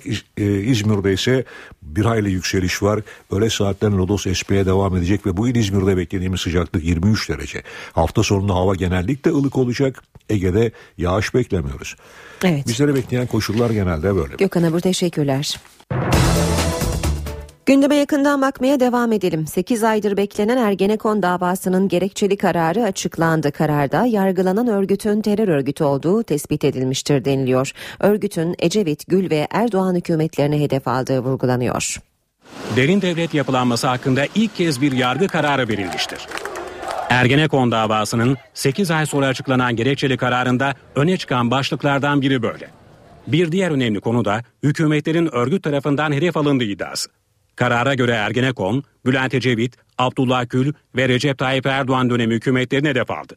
İlk dönemde hükümetin başında olan Başbakan Bülent Ecevit görevinden el çektirilmeye zorlandı. Danıştay ve Cumhuriyet gazetesine saldırı da örgütün ikinci dönem faaliyetleri olarak tanımlandı. Danıştay saldırısı öncesi STK ile hükümetin görevlerinin engellenmek istendiği öne sürüldü. İlker Başbuğ, Mehmet Haberal, Mustafa Balbay, Tuncay Özkan dahil 275 kişinin yargılandığı Ergenekon davasının gerekçeli kararı 16.798 sayfa. Gerekçeli kararda Ergenekon davasının sanıkları AK Parti'nin kapatılma davasını etki etmekle suçlandı. Genelkurmay'daki askeri personel ve üstlerin hükümet aleyhine yasa dışı planlar hazırladığı, kara propaganda yapan internet siteleri kurdukları, sahte delil ürettikleri savunuldu. Kararda ayrıca Ergenekon örgütünün bir derin devlet yani Gladio, kont gerilla yapılanmasına karşılık geldiği ve esas olarak Türk Silahlı Kuvvetleri içinde yasa dışı olarak oluşturulup faaliyet gösterdiği mensupları arasında asker sivil toplumun her kesim ve statüsünden insanların bulunduğu sonucuna varılmıştır denildi. Örgütün yönetici ve üyelerinin askeri müdahale veya darbe ortamı oluşmasını istediği tezinin altı çizildi. Hatta örgütün isminin psikolojik harp çerçevesinde destek ürücü hesaba katılarak seçildiği belirtildi. Mahkeme heyeti Ergenekon'u Türk Silahlı Kuvvetleri içinde karargah evleri adı altında örgütlendiğine ve hücresel bir yapılanma içinde olduğuna kanaat getirdi. Açıklamada örgüt üyeleri arasında sınırlı iletişim olduğu ve ulaşılamayan hücreler için soruşturmaya devam edilmesi gerektiği ifade edildi. Ergenekon davasının aylardır beklenen gerekçeli kararında eski Genelkurmay Başkanı İlker Başbuğ, Ergenekon terör örgütünün yöneticisi ve terör suçlusu olarak yer aldı. Mahkeme heyeti Başbuğ'a atfedilen suçun eleştirilmesine herkesin her türlü suçun sanığı olması mümkündür açıklamasını yaptı. Türkiye Cumhuriyeti'nin 26. Genelkurmay Başkanı terör örgütü kurmak ve yönetmekle suçlandı. Takdir yüce Türk milletinindir. Ergenekon terör örgütünün yöneticisi ve terör suçlusu. Ergenekon davasında müebbet hapis cezasına çarptırılan ve 26 ay cezaevinde kaldıktan sonra geçen ay tahliye olan eski Genelkurmay Başkanı İlker Başbuğ gerekçeli kararda bu suçlamayla yer aldı. Mahkeme heyeti İlker Başbuğ'un eski Genelkurmay Başkanı olmasının terör suçlusu olmasına engel olmadığını savundu. Bu ülkede neyi paylaşamıyoruz? Gerek teoride gerekse pratikte herkesin her türlü suçun sanığı olması mümkündür. Bu suçun failleri işledikleri eylemleri suç kapsamında kabul etmezler. Bu suçların hemen hemen tüm sanıklarının sahibi olduğu ortak düşünce, işledikleri eylemlerin insanlık, vatan ve memleket için faydalı olduğu yönündedir ifadeleri kullanıldı. Mahkeme İlker Başbuğ hakkında kullanılan terörist ifadesinin eleştirilmesine açıklama getirdi. Terörist kelimesi hukuki değil, basının kullanmayı tercih ettiği bir kavramdır. Hukukta terör suçlusu kavramı tercih edilir. Terör örgütü içinde faaliyet göstermiş bir kişi için terör suçlusu denir denildi. Kararda İlker Başbuğ'un irtica ile mücadele eylem planı ile ilgili olarak kara propaganda oluşturmak için internet sitelerini organize ettiği savunuldu. Bazı internet sitelerinin başbuğdan onay alarak yayın yaptıkları öne sürüldü. Harekata asimetrik Danıştay saldırısı azmettiricisi olduğu iddia edilen Muzaffer Tekin'in telefon rehberinde İlker Başbuğ'un telefon numarasının bulunması da sanıkların birbirleriyle olan ilişkisini açıklamak için dayanak gösterildi. Eski Genelkurmay Başkanı Başbuğ gerekçeli kararı tutuklu milletvekili Engin Alan'ı Sincan cezaevinde ziyaret ettikten sonra değerlendirdi. Kararı ciddiye almıyorum diyen Başbuğ 16 bin değil 116 bin sayfa da yazsanız kararı savunamazsınız sözleriyle değerlendirdi. Twitter açıldı. Anayasa Mahkemesi'nin hak ihlali var kararının ardından 20 Mart'ta başlayan Twitter'a erişim engeli dün akşam kaldırıldı. Twitter'a erişim engeli iki hafta sonra kaldırıldı. Bilgi Teknolojileri ve İletişim Kurumu, sosyal paylaşım sitesi Twitter'a 20 Mart'ta koyduğu erişim yasağını Anayasa Mahkemesi kararı doğrultusunda kaldırdı. Erişim yasağının kaldırılması için yapılan bireysel başvuruları karara bağlayan Anayasa Mahkemesi, yasağın ifade özgürlüğünün ağır bir ihlali olduğunu hükmetmişti. O karar resmi gazetede yayınlandı. Ardından gözler Telekomünikasyon İletişim Başkanlığı ve Bilgi Teknolojileri ve İletişim Kurumu'na çevrildi. Yasağın hemen kaldırılması bekleniyordu. Ancak her iki kurum Anayasa Mahkemesi'nden gerekçeli kararın resmi yollardan kendilerine ulaşmasını bekledi. Erişim engelinin kaldırılması gecikince muhalefet harekete geçti. CHP Genel Başkan Yardımcısı Sezgin Tanrıkulu hem BTK'ya hem de TİB'e gitti. Ağır insan hakları ihlalinde Anayasa Mahkemesi karar vermiştir. Bu nedenle bu ihlale derhal şu anda son verilmesi gerekmektedir. Hükümet temsilcileri de yargı kararları uygulanır mesajı verdi. Biz doğrusu yargı kararlarını pek tartışmayız. Ee, yani bir yargı kararı çıktıysa e, onların tabii e, uygulanması gerekir. Beklenen haber akşam saatlerinde geldi. Önce TİB'in resmi internet sayfasından erişim yasağının dayanak gösterildiği mahkeme kararı kaldırıldı. Kısa süre sonra Ulaştırma, Denizcilik ve Haberleşme Bakanlığı Twitter erişim engelinin kaldırıldığını resmen duyurdu. Bilgi Teknolojileri Kurumu kararı servis sağlayıcılara gönderdi. Bakanlığın ardından Bilgi Teknolojileri ve İletişim Kurumu da bir açıklama yaparak erişim engelinin kalktığını duyurdu. Kurum Twitter'la Türkiye arasında bir irtibat mekanizması kurulması sürecinin de hızlandığını açıkladı. İşe giderken Yeni bir gelişmeyi aktaralım. Uluslararası Kredi Derecelendirme Kuruluşu Fitch'ten Türkiye'nin notuyla ilgili bir haber var.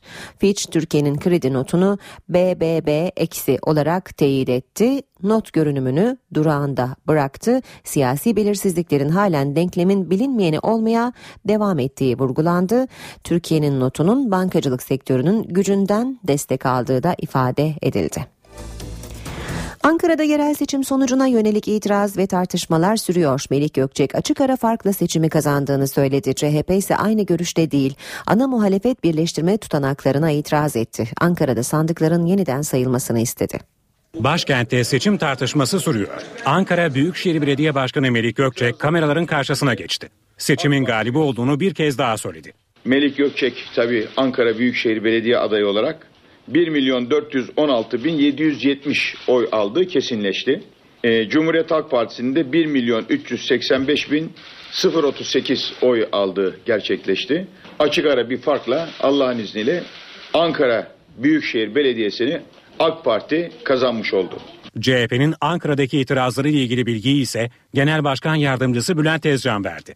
Tezcan, itirazlar sonucu kaç oyun CHP'ye geçtiğinin henüz belli olmadığını söyledi. İl başkanımız Ankara İl Seçim Kurulu'na giderek bu itirazları verecek. Birleştirme tutanaklarıyla ilgili de iki husus söz konusu. Bir birleştirme tutanaklarındaki toplam, ikincisi sandık sonuç tutanaklarının birleştirme tutanaklarına doğru aktarılmaması. 25 ilçedeki e, oyların sayılmasını talep ediyoruz.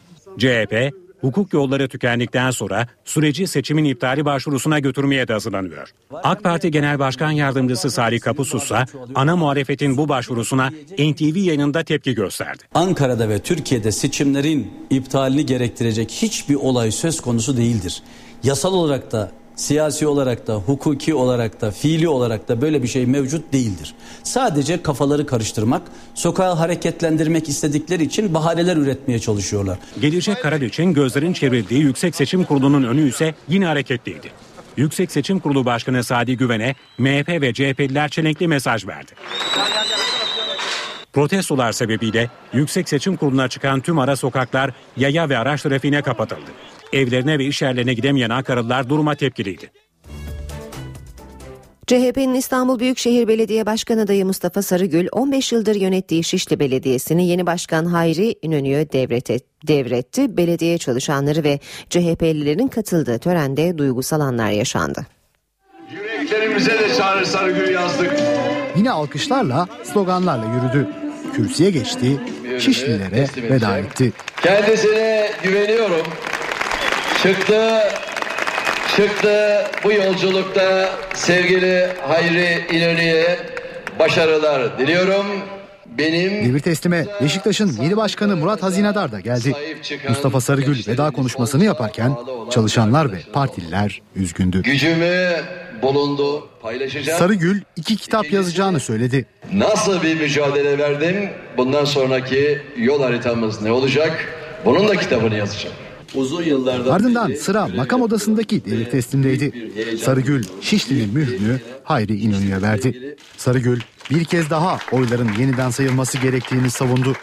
Madem bu kadar büyük bir farkla seçimi aldığınızı söylüyorsunuz, o zaman Cumhuriyet Halk Partimizin yapmış olduğu itirazı dikkate alın ve bir kere daha sayım yapılsın.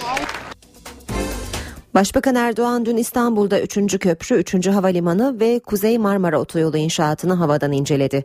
Başbakan'a Ulaştırma, Denizcilik ve Haberleşme Bakanı Lütfi Elvan'la İstanbul Büyükşehir Belediye Başkanı Kadir Topbaş da eşlik etti. İki gündür Üsküdar Kısıklı'daki evinde dinlenen Başbakan Recep Tayyip Erdoğan dün öğleden sonra evinden ayrıldı. Başbakan helikopterle yapımı süren 3. köprü sahasına gitti. Garipçe'deki şantiyede incelemede bulunan Başbakan havadan Kuzey Marmara Otoyolu'yla 3. Havalimanı ile ilgili çalışmaları da gözlemledi. Başbakan'a Ulaştırma, Denizcilik ve Haberleşme Bakanı Lütfü Elvan'la İstanbul Büyükşehir Belediye Başkanı Kadir Topbaş da eşlik etti. Daha sonra helikopterle evinin yakınındaki piste inen Erdoğan, daha önceki uçuşlarında kendisine sevgi gösterisinde bulunan işçilerin bulunduğu inşaata gitti. Başbakan buradaki işçilerle bir süre sohbet etti. Başbakan Erdoğan incelemelerinin ardından konutuna geçti. Enflasyon Mart ayında beklentilerin üstünde arttı. Tüketici fiyatları endeksi Mart ayında %1,13 oranında yükseldi. Türkiye İstatistik Kurumu verilerine göre tüketici fiyatları endeksinde yıllık rakamsa Mart sonu itibarıyla %8,39'a çıktı. Mart ayında yurt içi üretici fiyat endeksi artışı %0,74 oldu. Yıllık üretici enflasyonu ise %12,31'e geriledi. Mart ayında ana harcama gruplarında en yüksek artış %2,49 ile giyim ve ayakkabıda oldu. Geçen ayın zam şampiyonuysa fiyatı %21 %29,01 oranında artan karnabahar oldu. Dünyanın yaşam kalitesi en yüksek ülkesi Yeni Zelanda. 132 ülkenin değerlendirildiği endekste dünyanın en büyük ekonomileri ilk ona giremedi. Türkiye ise orta sıralarda yer aldı. Dünyada en yaşanılacak ülke Yeni Zelanda. İlk kez küresel çapta yayınlanan Toplumsal İlerleme Endeksinden bu sonuç çıktı. 132 ülke yaşam kalitesi bakımından değerlendirildi. Ülkelerin vatandaşların temel ihtiyaçlarını ne kadar karşıladıkları sorgulandı. Endekste Yeni Zelanda bireysel hak ve özgürlükler, internete erişim ve eğitime katılımda en iyi dereceyi alarak birinci oldu. Yeni Zelanda'yı İsviçre, İzlanda, Hollanda ve Norveç takip etti. Dünyanın en büyük ekonomileri ise ilk ona giremedi. Almanya 12, Japonya 14, Amerika Birleşik Devletleri 16. sırada yer aldı. Endeksi hazırlayan ekonomistlere göre bu ekonomik gelişmişliğin toplumsal ilerlemeyle her zaman doğru orantılı olmadığını gösteriyor. Türkiye ise yaşam kalitesi sıralamasında kendine orta sıralarda yer buldu.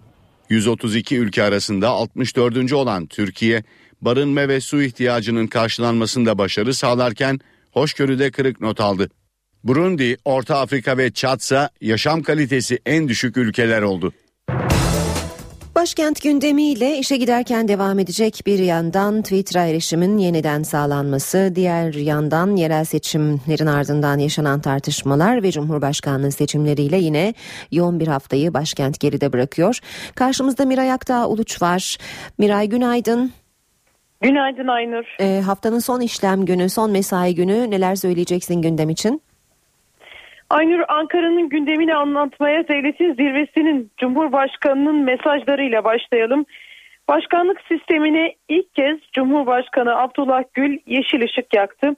Kuveyt'te gazetecilerin sorularını yanıtladı Cumhurbaşkanı ve eğer parlamenter sistemdeki hassasiyetler gözetilebilirse Amerikan sistemi türü bir sistemde olabilir ifadelerini kullandı. Bugün bu açıklamaya ilişkin muhalefet ve iktidar cephesinden gelecek olan değerlendirmeleri takip edeceğiz. Ve seçimler pazar günü yapıldı ama pazar gününden bu yana yerel seçimlere yönelik itirazlar şüphesiz başkentin en önemli gündem maddelerinden biri ve en çok tartışılan ilde başkent yine. Bununla ilgili olarak Cumhuriyet Halk Partisi'nin Ankara'daki bütün oyların yeniden sayılması ve birleştirme tutanakları ile ilgili itirazları vardı. Bu konuda başvuruları vardı. İl Seçim Kurulu'nun bu taleplere nasıl yanıt vereceği ise merak konusu. Bugün bu gelişmeyi de yakından takip ediyor olacağız. Cumhuriyet Halk Partisi'nden gelen bu itirazlara karşın dün Melih Gökçek kameraların karşısına geçti ve seçimin galibi benim dedi. E, bu taraftan da Cumhuriyet Halk Partisi seçimin tekrarı başvurusuna da hazırlanıyor. Bununla ilgili olarak 9 Nisan tarihinden sonra muhtemelen seçimin iptali başvurusu da yapması bekleniyor. Ana muhalefet partisinin bu gelişmeleri de bugün yine yakından takip edeceğiz. Ve Twitter konusu 20 Mart'ta başlayan Twitter'a erişim engeli iki hafta aranın ardından kaldırıldı. Bugün bu konudaki değerlendirmeleri yine takip ediyor olacağız ama Başbakan Erdoğan'dan bu konuya ilişkin bir değerlendirme gelebilir. Yerel seçimlerin ardından dinlenmeye çekilmişti Başbakan Erdoğan. Bugün ise seçim sonrası ilk yurt dışı ziyaretini gerçekleştirecek. Günübirlik resmi ziyaret için e, Azerbaycan'ın başkenti Bakü'ye gidecek Başbakan Erdoğan. Başbakan İstanbul'dan hareket edecek ve öncesinde bir basın toplantısı yapma ihtimali de bulunuyor. Burada başbakanın yerel seçim sonrası yaşanan hem itiraz sürecini hem de Twitter'la ilgili değerlendirmeler yapabileceği belirtiliyor. Ee, Azerbaycan'da ise Azerbaycan Cumhurbaşkanı İlham Aliyev de bir araya gelecek bugün başbakan. Görüşmenin ana gündem maddesi enerji işbirliği ve özellikle de Şah Deniz projesi olacak. Erdoğan ve Aliyev bu görüşmenin ardından ortak bir basın toplantısı düzenleyecek. Başbakan Aliyev'in onuruna vereceği akşam yemeğinin ardından da İstanbul'a geri dönecek ve bugüne ilişkin bir notla bitirelim. Bugün 4 Nisan Milliyetçi Hareket Partisi'nin kurucu lideri Alparslan Türkeş'in 17. ölüm yıl dönümü Türkeş Ankara'daki anıt mezarı başında anılacak ve bizler de gün boyunca bu başlıkları başkent Ankara'dan sizlere aktaracağız. Miray teşekkürler. Miray Aktağ Uluç Başkent gündemini aktardı. Programımız iç, e, içinde Mart ayı enflasyon rakamlarını aktarmıştık. Şimdi bu rakamların Ayşe teyzeye yansımalarını dinleyeceğiz. Profesör Doktor Güngör Uras'tan. Ayşe teyze ne yapsın? Güngör Uras, Ayşe teyze ekonomide olan biteni anlatıyor. Merhaba sayın dinleyenler. Merhaba Ayşe Hanım teyze, merhaba Ali Rıza Bey amca. Mart ayında tüketici fiyatları endeksi %1,13 oranında arttı. Yıl başından bu yana 3 ayda tüketici fiyatlarındaki artış %3,57 oldu. Yıllık artış ise %8,39 oranında. Ayşe Hanım teyzem için enflasyon gıda maddeleri için yaptığı harcamalardaki artıştır. Çünkü Ayşe Hanım teyzem gibi dar ve sabit gelirlilerin toplam tüketim harcamalarında gıda harcamalarının payı en az yüzde 25'tir. Bir başka anlatımla toplam tüketim harcamalarının en az dörtte biri gıda harcamalarına gider. Türkiye İstatistik Kurumu ülke genelinde en fazla tüketim harcaması yapılan 432 maddenin fiyatındaki değişimi izliyor. Bu maddelerin her birinin toplam harcamalar içindeki ağırlıkları farklıdır. Ayşe Hanım teyzem gibiler bu 432 çeşit malın tamamı için harcama yapmıyor, yapamıyor. Onlar için önemli olan harcama yaptıkları sınırlı sayıdaki malın fiyatındaki değişimdir. Genelde her kişinin, her ailenin harcamasında gıda harcaması büyük ağırlığı sahiptir. Dar ve sabit gelirlilerde ise tüketim harcamasının yarıdan fazlası, çok fazlası gıda harcamasına gider. İşte bu nedenle alt gelir grubundakiler enflasyonu gıda fiyatlarından izler. İşte bu nedenle de her ay devletin açıkladığı enflasyon rakamına çok kişi itiraz eder. Ben cebimden çıkan paraya bakarım diyerek kendi enflasyon hesabının devletin enflasyon hesabının çok üzerinde olduğunu söyler. Son yıllarda tüketim harcamalarına sınırlamalar getirildi. Talep daraldı. Tüketici fiyatları talep artışından etkilenmiyor. Tersine talepteki daralma tüketici fiyatlarındaki artışı frenliyor. Şimdilerde tüketici fiyatlarındaki artışın arkasında üretici fiyatlarındaki yükselme var. Üretici fiyatları ise maliyetlerdeki yükselmeden etkileniyor. Mart ayında yurt içi üretici fiyatları yüzde birin altında arttı ama yılın ilk 3 ayındaki artış %5'in üzerinde. Yıllık artış %12'nin üzerinde. Gıda maddelerinde üretici fiyatlarında yıllık artış %13'ün biraz üzerine çıktı. Fiyatlar artıyor, enflasyon derdi insanları üzüyor. Devlet baba ve işverenler maaş ve ücretleri arttırsın da tüketici ezilmesin diyeceğiz ama gerçekçi olalım. Buna imkan yok. Ekonomi daralırken devlet de özel sektördeki işverenler de maaş ve ücretleri arttırmak isteseler de buna imkan bulamayacaklar. Bir başka söyleşi de birlikte olmak ümidiyle şen ve esen kalınız sayın dinleyenler. Güngör Uras'a sormak istediklerinizi ntvradio.ntv.com.tr adresine yazabilirsiniz.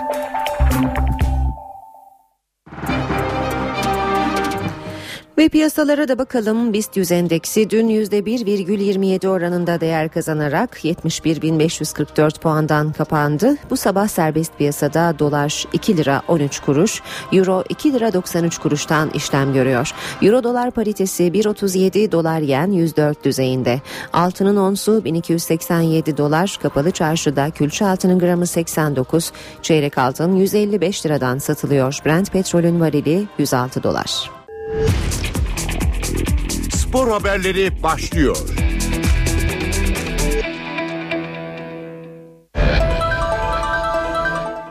Günaydın ben Ayhan Aktaş. Bir kez daha spor gündeminden gelişmelerle birlikteyiz.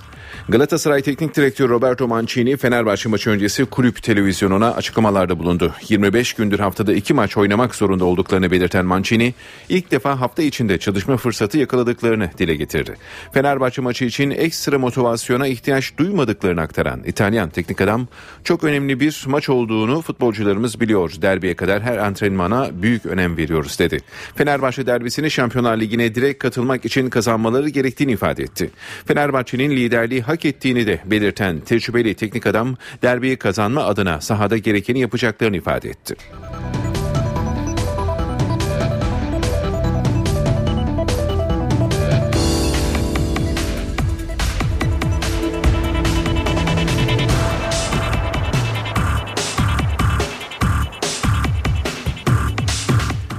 Galatasaray Başkanı Ünal Aysal Sarı Kırmızılı Camia'nın Fenerbahçe derbisi öncesi kenetlendiğini söyledi. Aysal pazar günkü maçtan iyi bir sonuç beklediğini dile getirdi.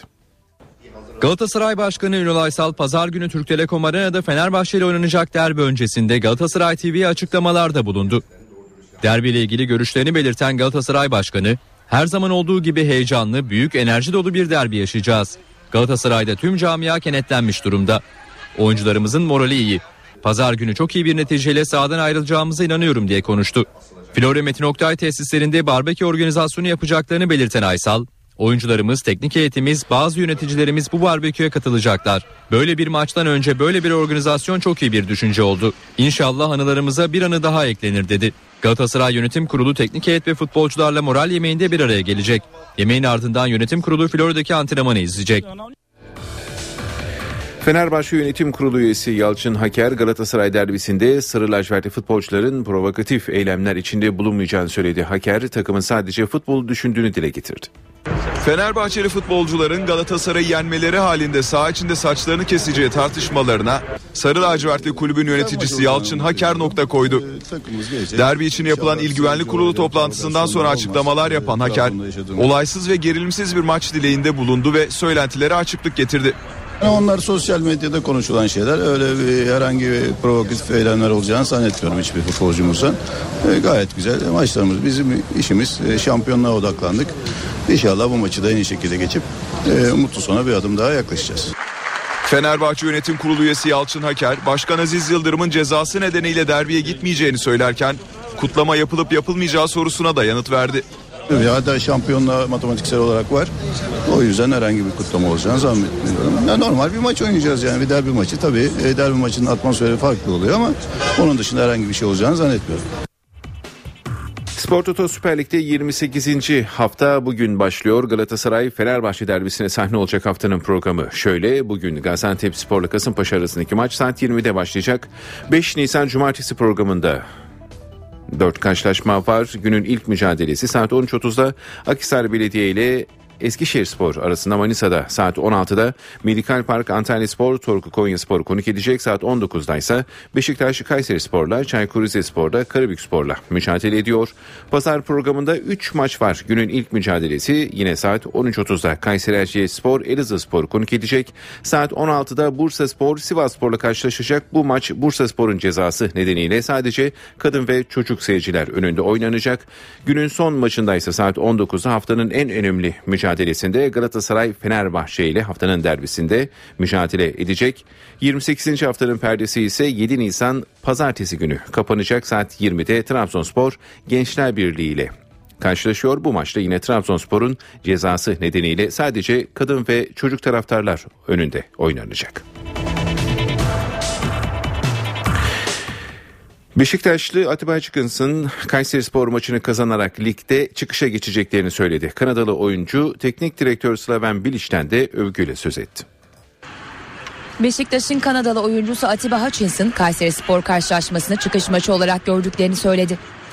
Kulüp televizyonuna konuşan tecrübeli oyuncu alt sıralardan kurtulmak isteyen ve son 3 maçını kazanan Kayseri Spor karşılaşmasının önemine dikkat çekti. Maç için taraftardan destek isteyen 31 yaşındaki oyuncu her takımın hedefi var. Bundan sonra sahada büyük bir savaş ve çekişme göreceğiz. Lige maç maç bakıyoruz. Taraftarımızın desteğiyle ligi olabildiğince yukarıda tamamlamak istiyoruz diye konuştu.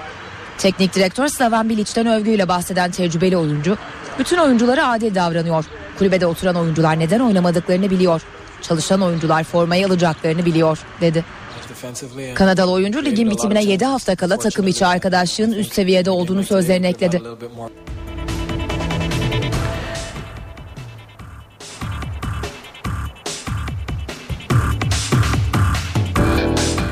Fenerbahçe Ülker Avrupa macerası sona erdi. Euroleague'de Sarı Lacivertliler iddiası olmayan Laboralli İspanya deplasmanında 95-73 yenildi ve top 16 turunun bitimine bir hafta kala Avrupa'ya veda etti. Fenerbahçe Ülker Turkish Airlines Euroleague defterini Laboral Kuça deplasmanında kapattı. Sarı lacivertli takım iddiasını devam ettirmek için kazanmak zorunda olduğu maça istediği gibi başlayamadı. Skoru birkaç kez el değiştirdi. İlk çeyreği Fenerbahçe 20-18 geride tamamladı. İkinci çeyreğin Osion'un dış atışlarıyla etkili başlayan İspanyol ekibi Laboral 13. dakikada farkı 29-21 ile 8'e kadar açtı. Fenerbahçe Boma Kalep'le farkı eritse de çeyreğin sonunda Plyce devreye girdi. Oyunun kontrolünü yeniden eline alan Laboral ilk yarıyı 47-38 önde kapattı. Üçüncü çeyreğe top kayıplarıyla başlayan temsilcimiz Laboral'in 13 birlik serisine engel olamadı ve skor 60-39'a geldi. Bu periyotta bir türlü oyun ortak olamayan ve rakibine cevap veremeyen Fenerbahçe son çeyreğe 78-54 geride girdi. Maçın son periyodunda oyundan iyice kopan temsilcimiz karşılaşmadan 95-73 mağlup ayrıldı. Bu sonucun ardından grupta 8. mağlubiyetini alan Fenerbahçe Ülker gruptan çıkma şansını kaybetti. Şansı olmayan Laboral Kuça ise grupta dördüncü galibiyetini aldı. Euroleague'de top 8 şansı devam eden tek temsilcimiz Galatasaray Live Hospital deplasmanda grup lideri CSKA Moskova ile karşı karşıya gelecek. Saat 19'a başlayacak kritik karşılaşma NTV Spor Smart'tan canlı yayınlanacak. Galatasaray Live Hospital Turkish Airlines Euroleague Top 16 F grubu 13. maçında CSKA Moskova ile karşılaşacak. 12 maçta 6 galibiyeti bulunan ve Lokomotiv Kuba'nın genel averajda bir sayı gerisinde 5. sırada yer alan Sarı Kırmızılılar Rus ekibini de yenerek son 8 takım arasına kalma iddiasını güçlendirmek istiyor. Son 3 maçta Lokomotiv Kuban, Bayern Münih ve Jalgiris Kaunas galibiyetleriyle çeyrek finale çıkma şansını son haftalara taşıyan Galatasaray, galibiyet serisini CSK karşısında da sürdürmek istiyor. Temsilcimizde Pops Mesah Bonsu sakatlığı sebebiyle forma giyemeyecek. Gruptan çıkmayı garantileyen CSK Moskova için de mücadele büyük önem taşıyor. Grupta ilk sırayı elde etmek için Real Madrid'le çekişen CSK, evindeki son 7 Euroleague maçından da galibiyetle ayrıldı. Turkish Airlines Euroleague'de Anadolu Efes ile Olympiakos bugün Abdi Pekşi Spor Salonu'nda karşılaşacak. Lacivert Beyazlılar için prestij niteliğindeki mücadele 21'de başlayacak ve NTV Spor'dan canlı yayınlanacak.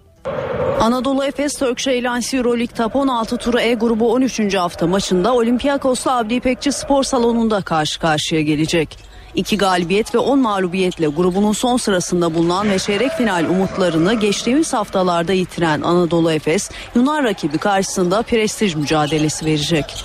Son 7 maçından mağlubiyetle ayrılan Anadolu Efes'te kadro dışı bırakıldığı açıklanan Semih Erden forma giyemeyecek.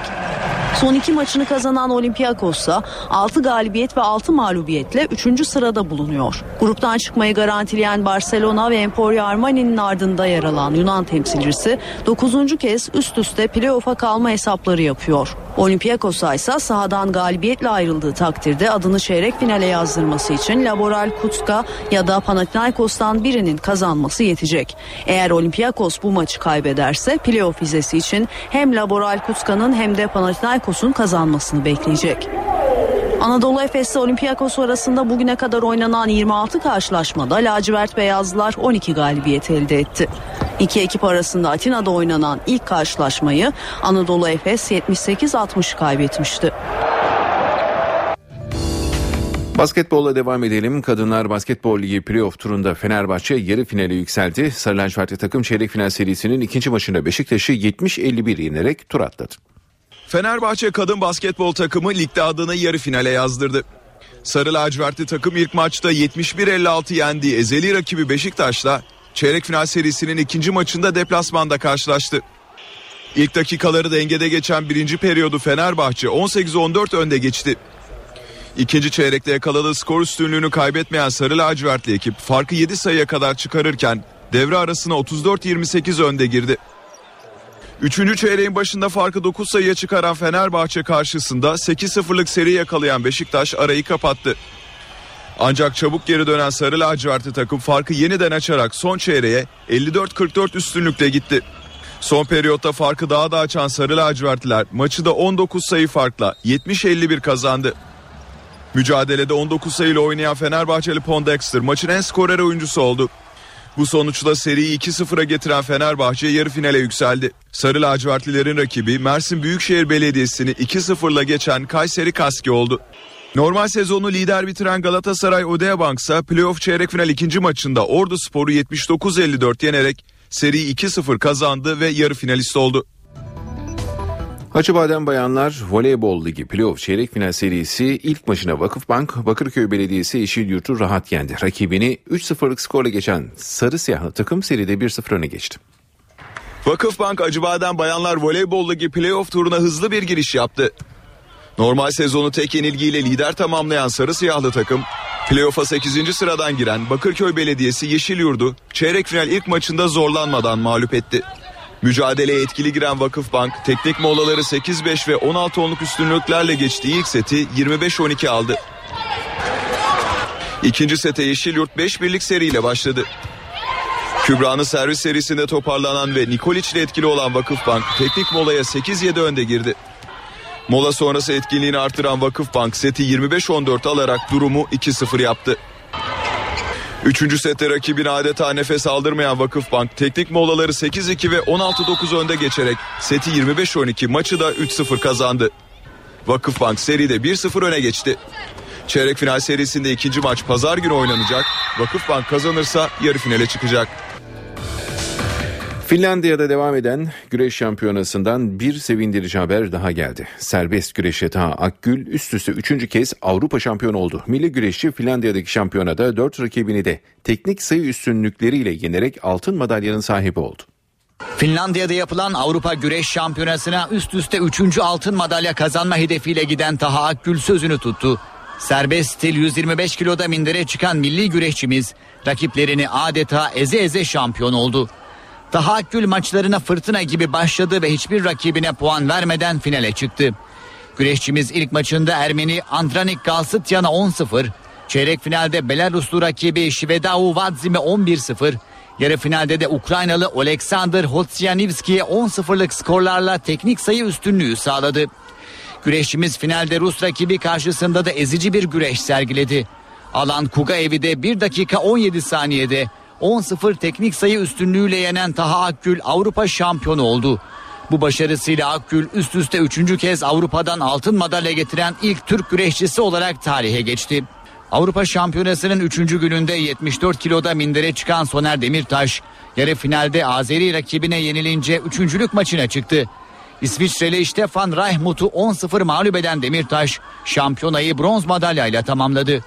Kadınlar 55 kiloda Bediha Günse bronz madalya maçında Rus Irina Ologonova'ya yenildi. 69 kiloda Burcu Örskaya ilk turda yenilerek elendi. Bu haberimizle spor bültenimizi tamamladık. İyi günler. NTV Radyo